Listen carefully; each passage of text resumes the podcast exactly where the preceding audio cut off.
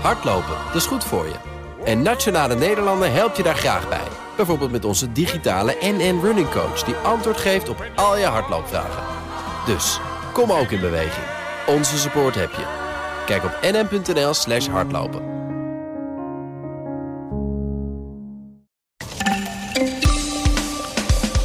Je weet het nooit zeker met die persconferenties. Maar het heeft er alle schijn van dat we vanavond te horen krijgen wanneer de avondklok er vanaf gaat en wanneer de terrassen en de winkels weer open gaan. Gemeenten en provincies steggelen met elkaar over waar nieuwe huizen gebouwd kunnen worden.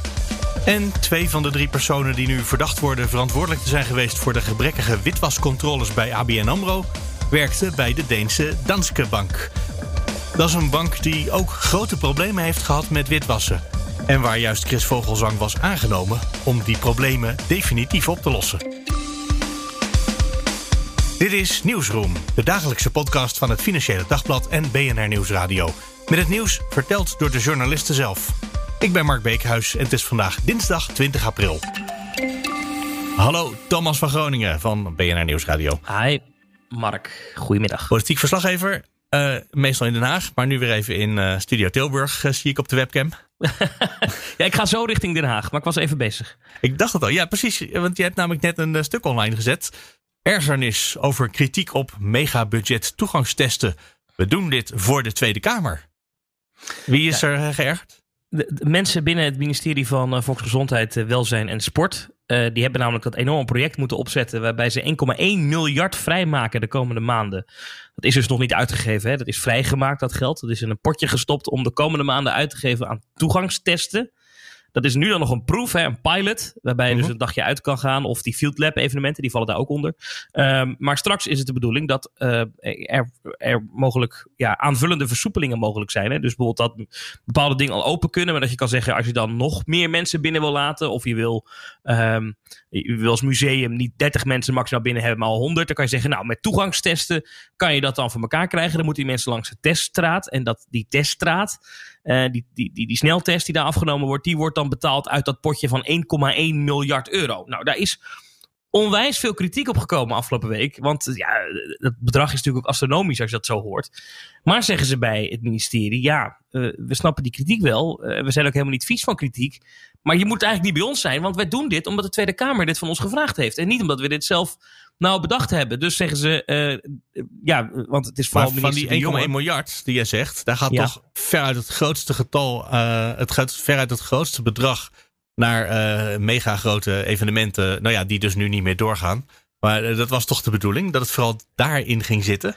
Nee, dat is echt een misverstand. Uh, als je gaat kijken naar de, de, de, de pilots en de field labs die nu lopen, dat is maar 90 miljoen van die 1,1 miljard. Uh, het overgrote deel van die pot is voor de testen die straks, laten we zeggen in mei en juni, nodig zijn om de samenleving weer voor een deel open te gooien. Dus daar zit echt een groot misverstand in. Hè? Het beeld ontstaat nu dat die Field Lab evenementen, daar kan je heel veel, denk ik, terechte kritiek op hebben hoor. Maar dat die 1,1 miljard kosten. Uh, en die pilots met dat je een dagje naar Artis kan, of naar Blijdorp of naar de Efteling. Maar dat, ja. dat, dat is dus maar een fractie van dat hele budget.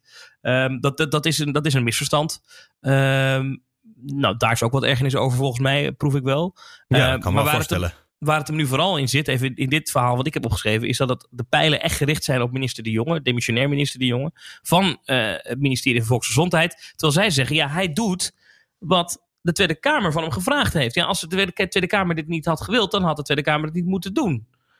Want er zijn ook moties over aangenomen, waarschijnlijk dan.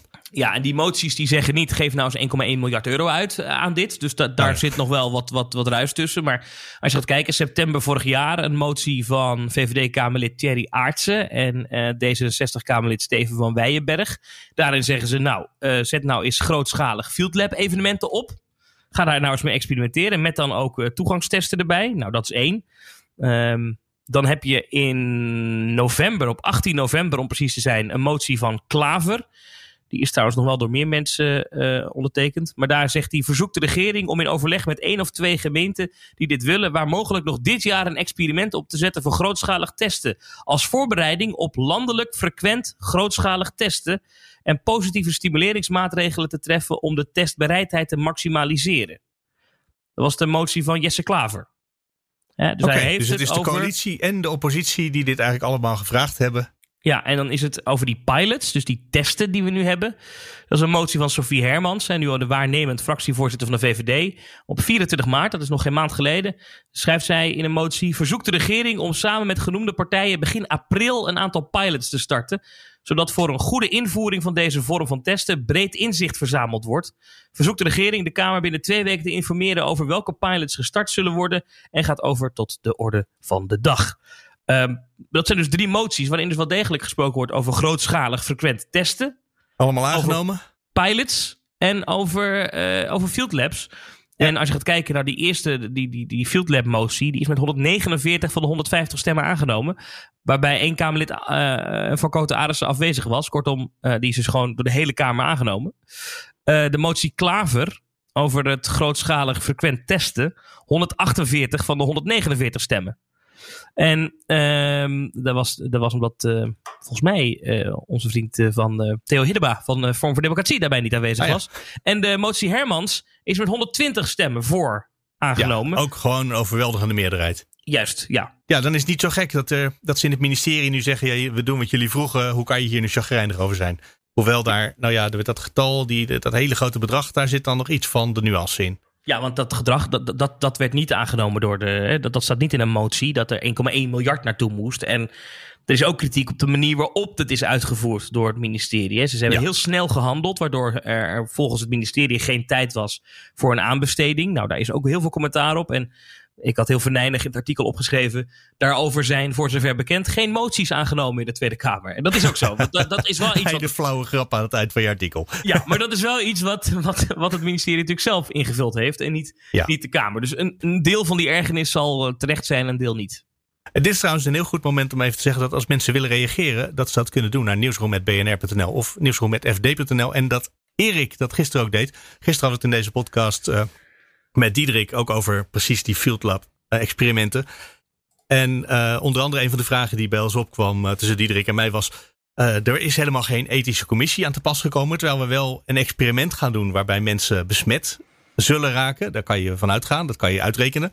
En de statistiek, er zijn veel te veel mensen uitgenodigd. Waarom zou dat niet? En Erik die geeft een linkje naar een uitleg hoe dat geregeld is. Er moet namelijk een medisch wetenschappelijk onderzoek zijn. En daar is in dit geval geen sprake van. Er is geen medisch wetenschappelijk onderzoek. In dit geval is het gedragsonderzoek. Dus er hoeft geen, geen ethische commissie naar te kijken naar het besmetten van mensen. op zich een fascinerende constructie. Dat, ja, ja. Nou, goed, er was gisteravond ik, ook weer. Die, die Field Labs, die, die, die discussie is nog niet voorbij. Hè? Want nu gaat alleen komende zaterdag dat evenement niet door in, uh, in Breda. Dat feest van 1 mei, wat in Lichtenvoorde gehouden zou worden. Ook met 10.000 mensen. Dat is verplaatst vooralsnog. Ja, uitgesteld. later nog een keer. En komende zaterdag gaat de Efteling wel door. Ook 8.000 mensen. En ook daar uh, minder ruimte om drukte te simuleren. Ook daar dus wel een gezondheidsrisico. En. Zeg ook deskundigen. Maar ja, dat gaat wel gewoon door. Dus ik denk dat die discussie de komende weken nog wel doorgaat. Die is niet, af, niet voorbij, gok ik zo.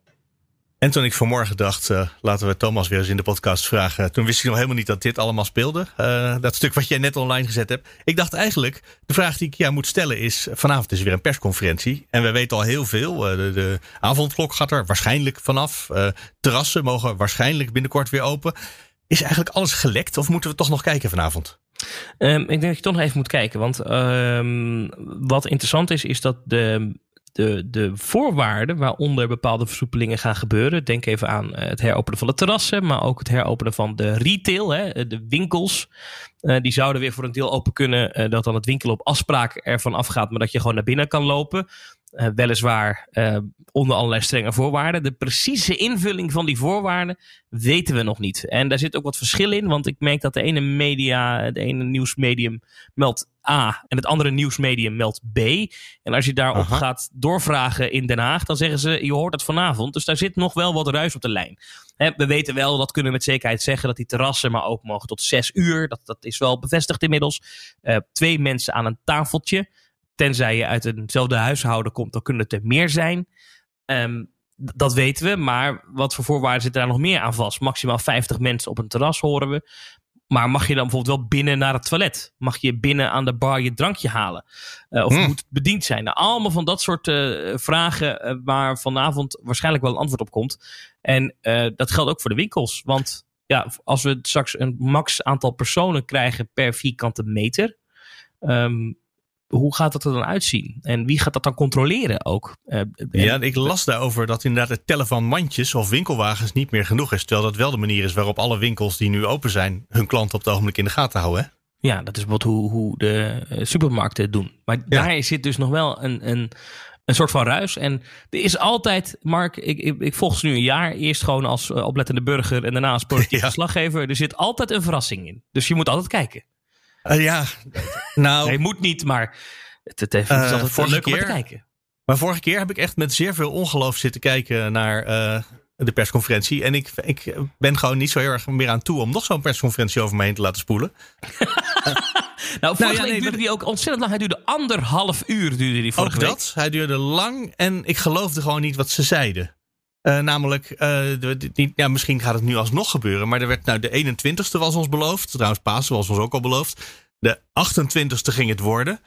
Eh, maar de- nou ja, ik, ik kan me nog herinneren dat ik vorige week zat te twitteren naar jou. toen jij een plaatje van het openingsplan deed van scheuren door. Want de data die erop staan, die kloppen toch niet.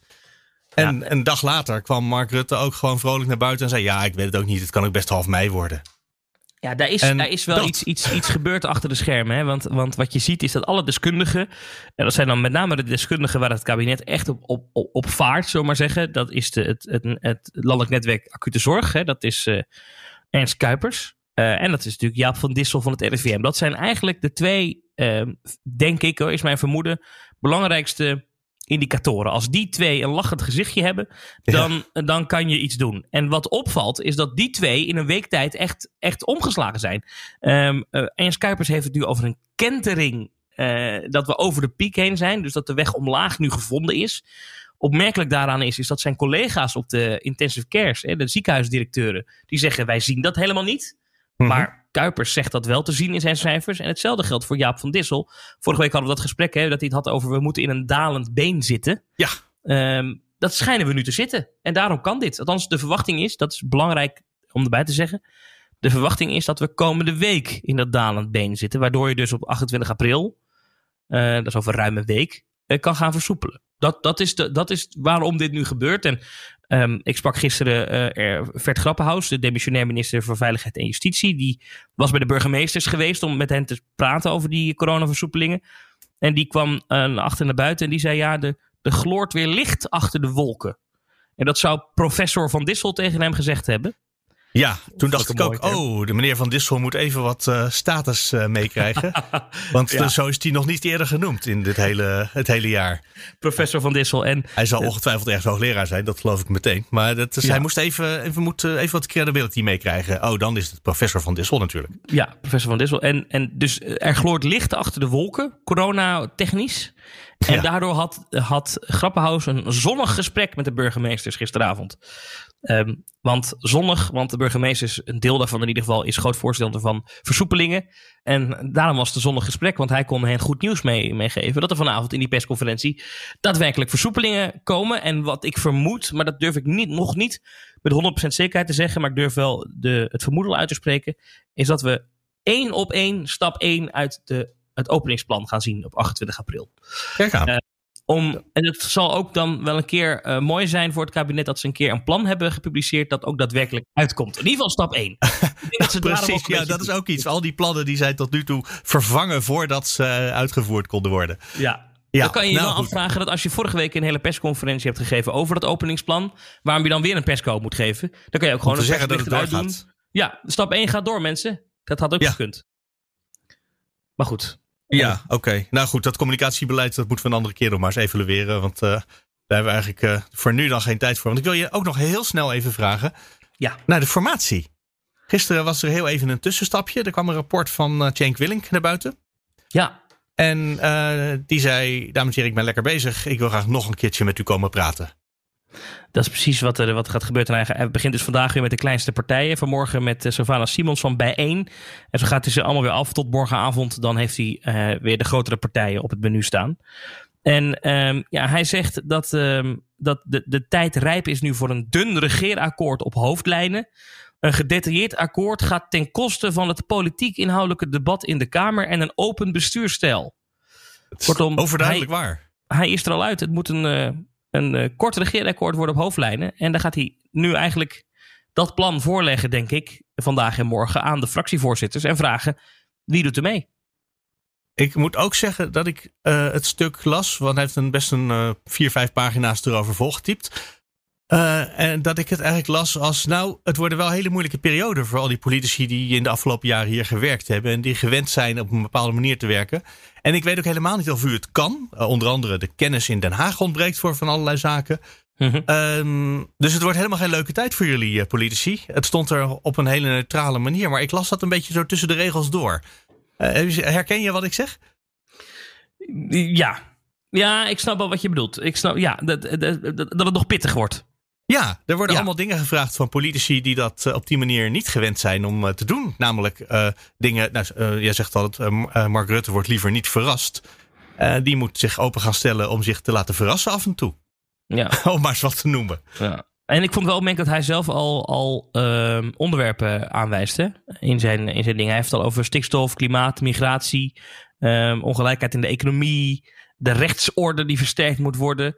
Dat, dat hij zelf al dat voorzetje geeft. Eigenlijk zit hij dan wel inhoudelijk mee te doen. Maar goed, dat mag ook. Hè. Ik denk dat ze daarom Cenk Willing gevraagd hebben. Uh, want dan weten ze dat ze iemand krijgen die de leiding neemt. Ja, hij wilde vijf belangrijke onderwerpen kiezen. Ja, ja. En misschien zijn dit die vijf onderwerpen. Ik ga vanmiddag maar eens kijken bij dat persvak waar die uh, fractievoorzitters naar buiten komen. Of daar nog wat, uh, wat te halen valt. En dan spreken we elkaar in de loop van de week weer, Thomas. Dankjewel voor nu. Joe. Hallo Wesley Weerts. Hallo Mark. We gaan het hebben over woningbouw. Er was, uh, nou, hoeveel huizen waren er nou uiteindelijk nodig? Er is, gaat een getal rond van een miljoen. Ja, er gaat een getal rond van 1 miljoen voor de komende 10 jaar. 75.000 woningen per jaar om het tekort niet verder op te laten lopen. Uh, oh ja. Bottom line, er moeten heel veel uh, huizen worden gebouwd de komende tijd. En gemeenten willen wel. Was vanmorgen het nieuws. Ja. Maar de provincies vinden het niet zo'n goed idee dat er huizen gebouwd wordt. Nou ja, de, de, de, provincies vinden het ook wel een goed idee dat er uh, huizen gebouwd worden. Alleen ze zijn het niet eens over de plekken waar dat moet gebeuren. Uh, die gemeenten uh, ja, die willen natuurlijk zo, het liefst zo snel mogelijk bouwen om die, om die woningnood het hoofd te bieden. Om weer wat betaalbare huizen in hun gemeente te hebben. Um, en voornamelijk gemeenten in de Randstad, ja, die zitten, die wethouders die zitten met hun handen in het haar. Want die zijn al op zoek naar allerlei plekken waar ze kunnen bouwen. Um, maar ja, hun, hun, hun, kernen, hun stadskernen zitten vol. Uh, dus ze moeten aan de randen gaan bouwen. Dat zijn vaak groene gebieden, weilanden. Um, uh, en die wethouders zeggen, ja, wij moeten daar eigenlijk bouwen om enerzijds een beetje betaalbare huizen te bouwen. Anderzijds om uh, ook nog huizen te bouwen waar behoefte aan is. Dus een huis met een tuin, zeker voor jonge gezinnen is dat wel handig, dat je niet driehoog achter woont. Um, alleen die provincies, die zeggen van ja, het beleid is, ook landelijk uh, zijn de richtlijnen, dat we zoveel mogelijk in de stad bouwen, binnenstedelijk. Ja. Um, dus dat wringt hier en daar, op heel veel plekken, in ieder geval in de, in de Randstad, waar die woningnood het hoogste is. Maar dus eigenlijk, die gemeenten die willen best bouwen, maar niet in de stad. En die provincies zeggen, ja, maar de opdracht is om het wel binnen de stad te doen. Uh, ja, heel zwart-wit zou je het zo kunnen zeggen. Ja, nou, nee, er zitten natuurlijk altijd alle nuances. En er zijn uh, 200 of 300 gemeenten in het land. En elke situatie is weer bijzonder. Ja, en die, en die provincies die willen ook wel een deel van de woningen weer ook aan die randen uh, bouwen. Maar dat is dan weer niet voldoende, vinden die wethouders. Want die willen meer daar kunnen bouwen. Dus dat is in, in de notendop het, het probleem dat, dat speelt tussen die wethouders. Hè, tussen die lokale en die provinciale bestuurders. En kennelijk gaan de provincies erover wat de gemeenten mogen doen. Uh, ja, ja, in die, die, die buitengebieden in ieder geval. Er, moet toestemming dan zijn uh, vanuit de, provincie. Zij moeten groen licht geven en akkoord gaan met de bouwplannen dan van die gemeente. Nou, dan kan er uiteindelijk gebouwd worden. alleen ja, dat gebeurt dus heel vaak niet. Waardoor ja, die, die gemeente, kijk, ik, ik sprak bijvoorbeeld de, de gemeente Alphen aan de Rijn, die hadden allerlei plannen van, nou, op deze locaties kunnen we bouwen. Maar uiteindelijk blokkeerde de provincie die bouwplannen. Waardoor die wethouder zegt, ja, binnen nu en een paar jaar zit ik gewoon vol, zit mijn stad zit gewoon vol. En dan moet ik gewoon opschuiven naar die randen uh, van mijn stad. en bovendien zegt hij: het is heel makkelijk om op die gronden te bouwen. Um, dus we kunnen ook veel sneller en goedkoper dus op, op die, in die gebieden bouwen.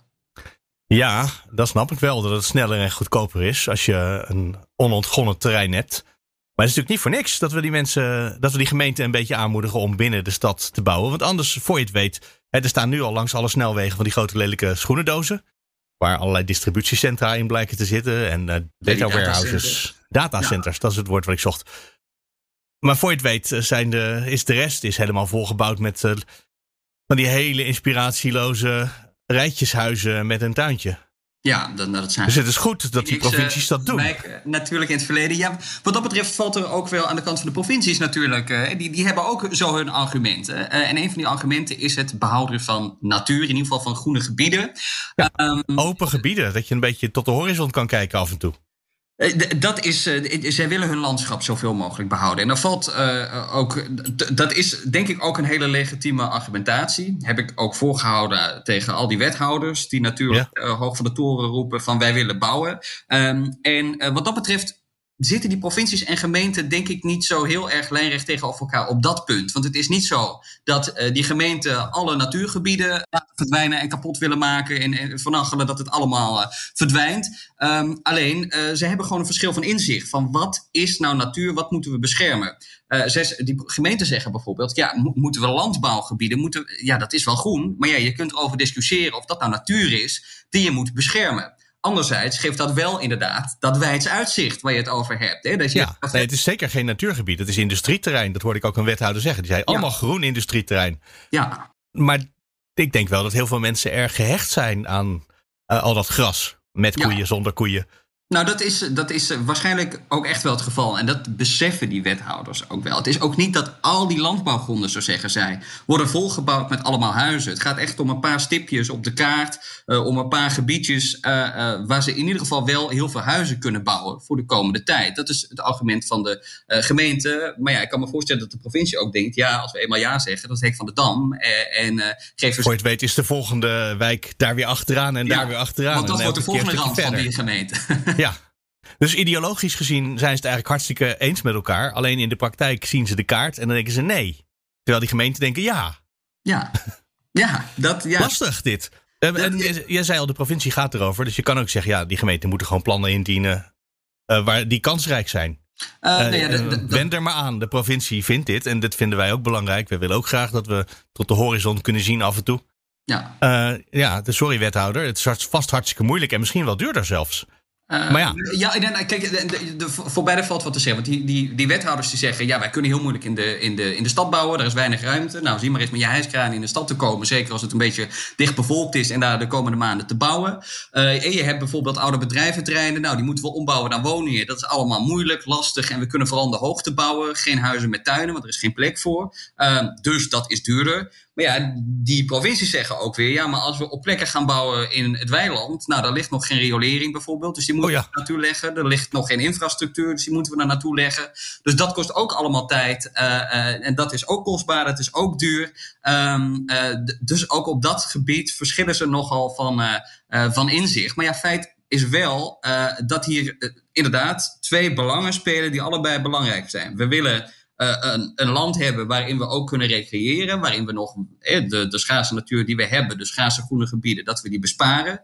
Uh, tegelijkertijd uh, hebben we ook een ontzettend groot woningtekort waar we aan moeten voldoen. Ja. En wat die wethouders bijvoorbeeld ook zeggen, als je het dan toch hebt over groene gebieden, als je de stadskernen verder vol gaat bouwen, want dat is dan het, verder, verder verstedelijken, verder verdichten, uh, mm -hmm. dan behoud je juist, als je het hebt over groene gebieden, die paar groene gebieden die nog in je stad liggen, ja, die verdwijnen uh, uh, daardoor, want die ga je volbouwen met appartementen. Dus um, hoe je het ook bent of keert, linksom of rechtsom, ja, moet je wel iets inboeten, waarschijnlijk aan wat groene gebieden, of in die stadskern, ja, of aan die rand van die stad.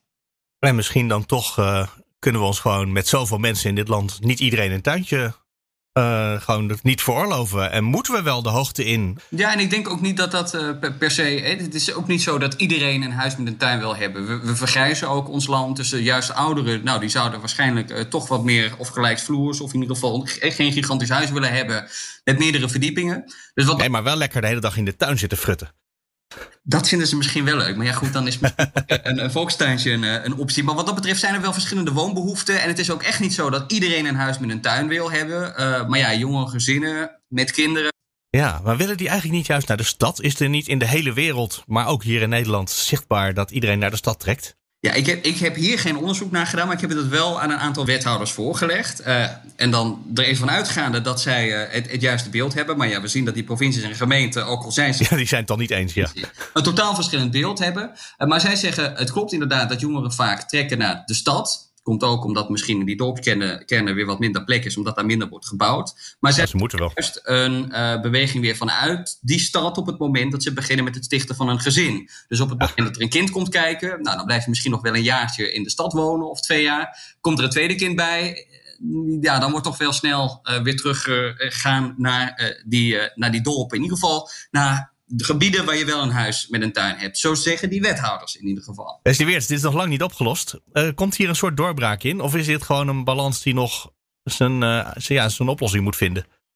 Nou ja, kijk, we moeten uh, woningen bouwen. Um, en er zijn heel veel punten uh, als het gaat om het bouwen van woningen die lastig zijn. Dit is een van die punten. Het gaat ook om vergunningverlening. Nou, zo zijn er nog tal van punten. Tekort aan mensen om te bouwen. Dit is een, een van die punten. En um, als het aan die provincies ligt, zij zeggen: wij zien als we kijken naar de hele provincie dat er voldoende plekken zijn waar we kunnen bouwen. Laten we nou eindelijk eens bouwen en niet alleen maar met elkaar gaan praten en discussiëren. Dus ja, als ik aan de kant van de provincies kijk, dan zijn ze op zich wel redelijk optimistisch over de komende periode. Ja, maar daar zeggen ze ook dat die wethouders het op kunnen lossen.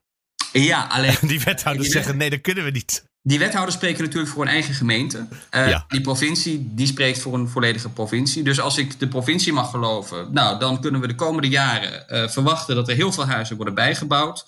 Maar er zijn echt nog wel problemen. Nou ja, die wethouders die kaarten een van die problemen aan. We hebben het in het verleden ook gehad over het trage vergunningssysteem dat uh, maar niet op gang komt. Dus wat dat betreft duurt het denk ik nog wel even voordat die hele woningnood echt is opgelost. Dan hebben wij nog iets om over te praten in de komende tijd. Wesley, dankjewel. Ja, zeker, ik blijf het volgen. Alsjeblieft. Hallo, Rutger Bedlem van het Financieel Dagblad. Hi. We gaan nog even verder met het uh, verhaal van gisteren. De schikking van ABN AMRO met uh, het Openbaar Ministerie. Naar aanleiding dat uh, ze heel veel witwassen niet goed gecontroleerd hebben. En allerlei mensen gewoon hun gang hebben laten gaan. En een van de dingen die gisteren al even ter sprake kwam... was dat er twee mensen bij de bank van uh, toen, ABN AMRO, een paar jaar geleden, nu in Denemarken zitten. Jij bent uh, gaan kijken hoe dat in Denemarken uitgepakt is. Want die zaten bij dezelfde bank en zijn ook allebei weg daar nu, hè? Ja, dat klopt. Het, uh, het gaat om de, de CEO, Chris Vogelsang, en om um, de, een van de commissarissen, Gerrit Salm. Nou, we kennen ze allebei goed. in ieder geval Salm zullen, zullen, zullen de meeste mensen wel kennen. En die zijn allebei uh, gisteren onmiddellijk opgestapt uh, toen uh, bleek dat zij mogelijk verdachten zijn in een strafzaak. Ja, in Denemarken valt het toch anders dan bijvoorbeeld in Zwitserland, hè, waar Rolf Hamers nog altijd de hoogste baas van een UBS is. ondanks ja. eenzelfde soort dreiging rond zijn, zijn persoon. Um, in Denemarken is het eigenlijk zo, als je verdachte bent, dan is in principe je carrière over. Dan houdt het daar op dat ogenblik even op. Misschien ja. dat als ze vrijgesproken worden. Ja, Gerrit Salm is misschien pensioengerechtigd langzaamaan wel. Maar Chris Vogelzang nog niet, hè? Nee, nou ja, hij is wel uh, onmiddellijk uh, echt met pensioen gegaan. Uh, dat heeft hij zo afgesproken oh, met toch? de bank. Ja. Dus hij heeft 18 maanden daar gewerkt en hij heeft 18 maanden salaris meegekregen. Uh, en dat zou hem in principe uh, gepensioneerd maken. Maar ik zou me heel goed kunnen voorstellen dat als er straks helemaal niets gebeurt met die strafzaak. Hè, want, want het is uh, extreem onduidelijk of het werkelijk echt tot een vervolging leidt. dat Chris Vogelzang ja. misschien nog wel iets gaat doen over zijn carrière, die opeens in, in puin ligt door dit onderzoek. Nou ja, zo'n OM-onderzoek kan nog zomaar 18 maanden duren ook. Dus dat. Er valt nog geen pijlen te trekken wanneer dat duidelijk wordt, denk ik. Zeker, zeker. Nee, maar ik bedoel meer. Uh, uh, ik bedoel, die man is opeens zijn baan kwijt. Uh, terwijl helemaal niet vaststaat ja. dat hij iets verkeerd gedaan heeft. Nee, er is iets erg misgegaan bij de bank. En wat zijn rol is en of je hem dat persoonlijk kan aanrekenen. Nou, dat wordt nu uitgezocht. Ja. maar zij werkten allebei bij Danske Bank. Deense bank. -hmm. Zoals het ook al een beetje in de naam zit waarschijnlijk. en dat is toch wel saillant. Daar waren ook witwasproblemen geweest. En juist uh, Chris Vogelzang ging daar de boel weer uh, op orde brengen, toch? Ja, zeker. Chris stond in Nederland al bekend als iemand die ehm, een, een, ehm, een goed oog voor innovatie had. die druk bezig was met fintech-achtige projecten ook. En werd wel gezien als iemand die daar de boel weer even strak, strak kon trekken. Hè, er is een man die, die, die ervoor kon zorgen wat die bank uh, beter op zijn transacties ging letten, uh, innovatiever zou worden, wat sneller zou reageren, op veranderingen in de, in de markt. En uh, nou, dat is een iets korter avontuur geworden. Ja, zou eens denken, nou, als de bedrijfscultuur bij ABN AMRO was, dat wit was wel kon, dan zou hij zich bij Danske Bank misschien thuis gevoeld hebben? Of is, het, uh, is dat te cynisch om het zo te zeggen? Nou ja, dat weet ik niet. Uh, um, het is meer. Uh, ik heb contact gehad gisteren met een journaliste van Beurzen. Dat is zeg maar het financieel dagblad van -huh. Denemarken. en die heeft mij de verhalen gestuurd die daar in die kranten verschenen. Um, de toon was aanvankelijk uh, vrij mild. Hè, wat vervelend en wat hij weggaat en wat heeft hij een hoop zeg maar, bereikt. Uh, als je de stukken die vandaag gepubliceerd zijn in beurzen leest, dan komt er ook wel wat de kritiek naar boven. Hè, van heeft uh, de raad van, van, van bestuur wel goed opgelet hè, bij Danske? Hebben zij wel de juiste man in dienst genomen? Hè? Dus als je weet dat iemand uh, in verband gebracht wordt, of tenminste in ieder geval gewerkt heeft bij een bank die in verband gebracht wordt met witwassen. Uh, moet je dan wel zo iemand uh, bij zeg maar, een bank die ook verdacht wordt van witwassen zetten om de boel op te, op te schonen? En, en daar ja. begint toch wel wat meer kritiek op te ontstaan nu. Niet per se op hem, maar op de mensen die hem aangenomen hebben. Precies, precies. Vogelzanger ja. zegt zelf het totaal zeg maar, verrast te zijn. Uh, doordat hij zelf uh, uh, onderdeel geworden is van het onder onderzoek. Um, en -hmm. ja, het is, het is volgens mij voor alle. Dat zal hij toch wel geweten hebben? Hij was de baas. Ja, ja hij was de baas. Maar um, in Nederland is het niet vaak zo dat een schikking leidt tot zeg maar, een vervolging. Hè? En, en dat is nu met Hamers dus wel weer gebeurd. Uh, ook na een hele lange procedure. En uh, het Openbaar Ministerie is, is, is duidelijk en wat strenger gaan kijken naar dit soort zaken. Ja, naar de politieke en maatschappelijke ophef bij de vorige keer bij ING. Toen ze eigenlijk van plan waren om helemaal geen mensen aan te pakken. Ja. ja. Zijn ze in Denemarken misschien toch een beetje geschrokken nu? Eigenlijk was nu alles, uh, alles ging weer goed gaan. Behalve dan dat ineens de man die uh, de redding moest komen brengen ja, die wordt ineens uit het proces getrokken. nou, is daar wel uh, behoorlijk veel tijd aan besteed. Ook om um, intern de boel op orde te krijgen. Ja. He, dus er stond al iemand klaar in de coulissen. Uh, dus ze hadden een, al een Deen naar binnen getrokken um, als risicobaas. Die had het ook gedaan bij zo'n Barclays. Uh, iemand die uh, Deens is, die de banken goed kent. De, dus op zich is de transitie is niet zo pijnlijk als dat hij lijkt. Um, mm-hmm. Hij is vooral uh, pijnlijk voor zeg maar, een vogelzang. En het is natuurlijk pijnlijker voor de reputatie van Danske. Maar ja.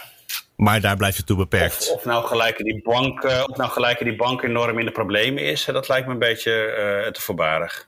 Nee, dat is misschien wat te snel en wat te groot. Hangt er ook ja. vanaf wat nog boven water komt. Ja, zeker. Rutger Bedlem, dankjewel. Alsjeblieft. En dat was hem voor vandaag. Kijk voor de show notes op bnr.nl slash nieuwsroom. En wil je reageren? Mail dan naar nieuwsroom.bnr.nl of nieuwsroom.fd.nl. En je hoorde net al even een waardevolle toevoeging van Erik. Er kwam ook nog een hele mooie vraag van Iljic. Want hij luisterde gisteren en hoorde toen het item over de Field Labs van 538. En hij vroeg zich ineens af... hoe zou een Field Lab evenement van BNR er eigenlijk uitzien? En die vraag, daar heb ik mooi een dagje over kunnen slapen. Ik denk dat dat eruit zou zien als een silent disco. Maar dan een waarbij iedereen naar podcasts kan luisteren. Maar voor zover ik weet zijn daar nog geen plannen voor. Wil je ook reageren? Mail dan naar nieuwsroom.bnr.nl of nieuwsroom.fd.nl. Ook bijvoorbeeld als je zelf een heel goed idee hebt voor een BNR Field Lab. Dan zijn we er morgen weer. Graag tot dan.